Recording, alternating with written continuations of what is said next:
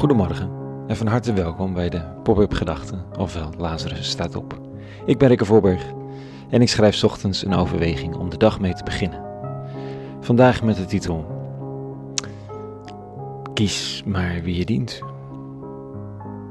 Pop-up Gedachten woensdag 10 juni 2020.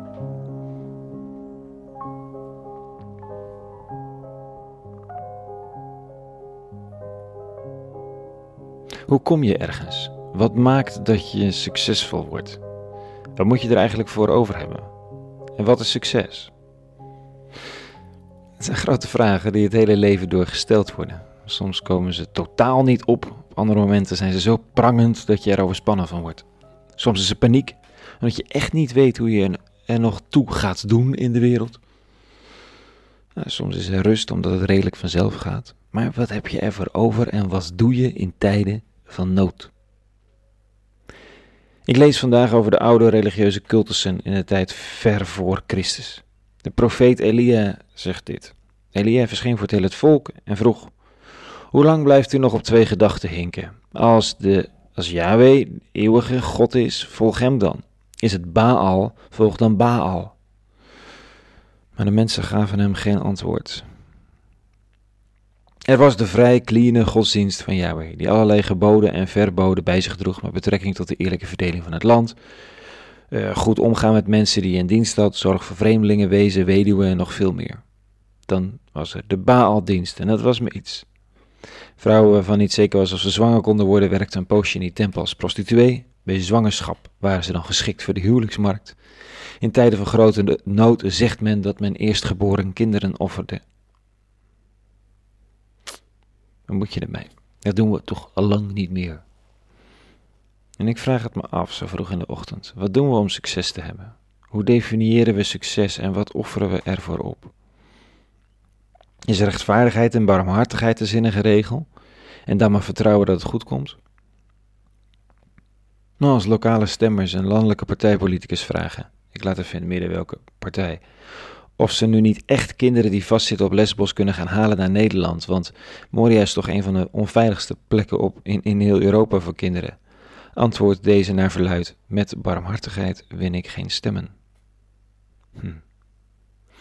Wat mag succes kosten? Wat mag ervoor worden opgeofferd? Ook voor mij steeds de keuze of het hoge ideaal, het concept dat ik voor ogen had, mag strijden met de verantwoordelijkheid voor mijn gezin. Door mijn rol als vader en als initiatiefnemer schuren nogal eens met elkaar. Kinderoffers doen we niet meer. Maar mijn hemel, hoe vaak zijn kinderen niet de dupe? En tempelprostitutie is goddank niet meer aan de orde, maar hoe vaak is het niet de vrouw die moet zorgen voor kinderen en familie, terwijl de man probeert om succesvol te zijn? Of geeft de samenleving de indruk aan de vrouw dat ze er pas bij hoort als er sprake is van relatie, gezin, kinderen?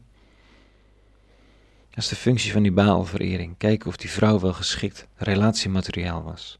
Een chauvinistische testosteron-godsdienst. En het is allemaal niet zo ver weg.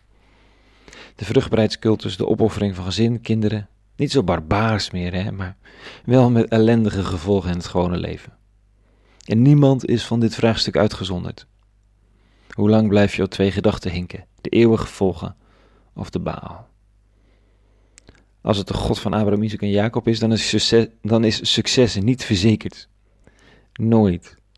Die matcht gewoon niet goed met onze eerste reflexen. Die matcht slecht met het ego.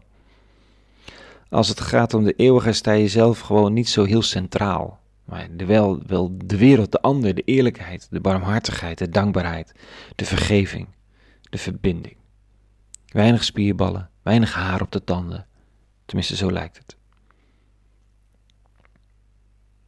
Uiteindelijk vraagt natuurlijk werkelijke overgave aan dankbaarheid, gerechtigheid en de zorg die je is toevertrouwd. Al je energie en je wijsheid en je kracht. Niets vraagt meer dan vertrouwen dat het goed komt als je het goede doet. De vraag van Elia loopt uit op een wedstrijd, waarbij de priesters van de kik en het succes, de Baal, uiteindelijk verliezen van de impact van de oude God van eeuwigheid en schepping en zorg.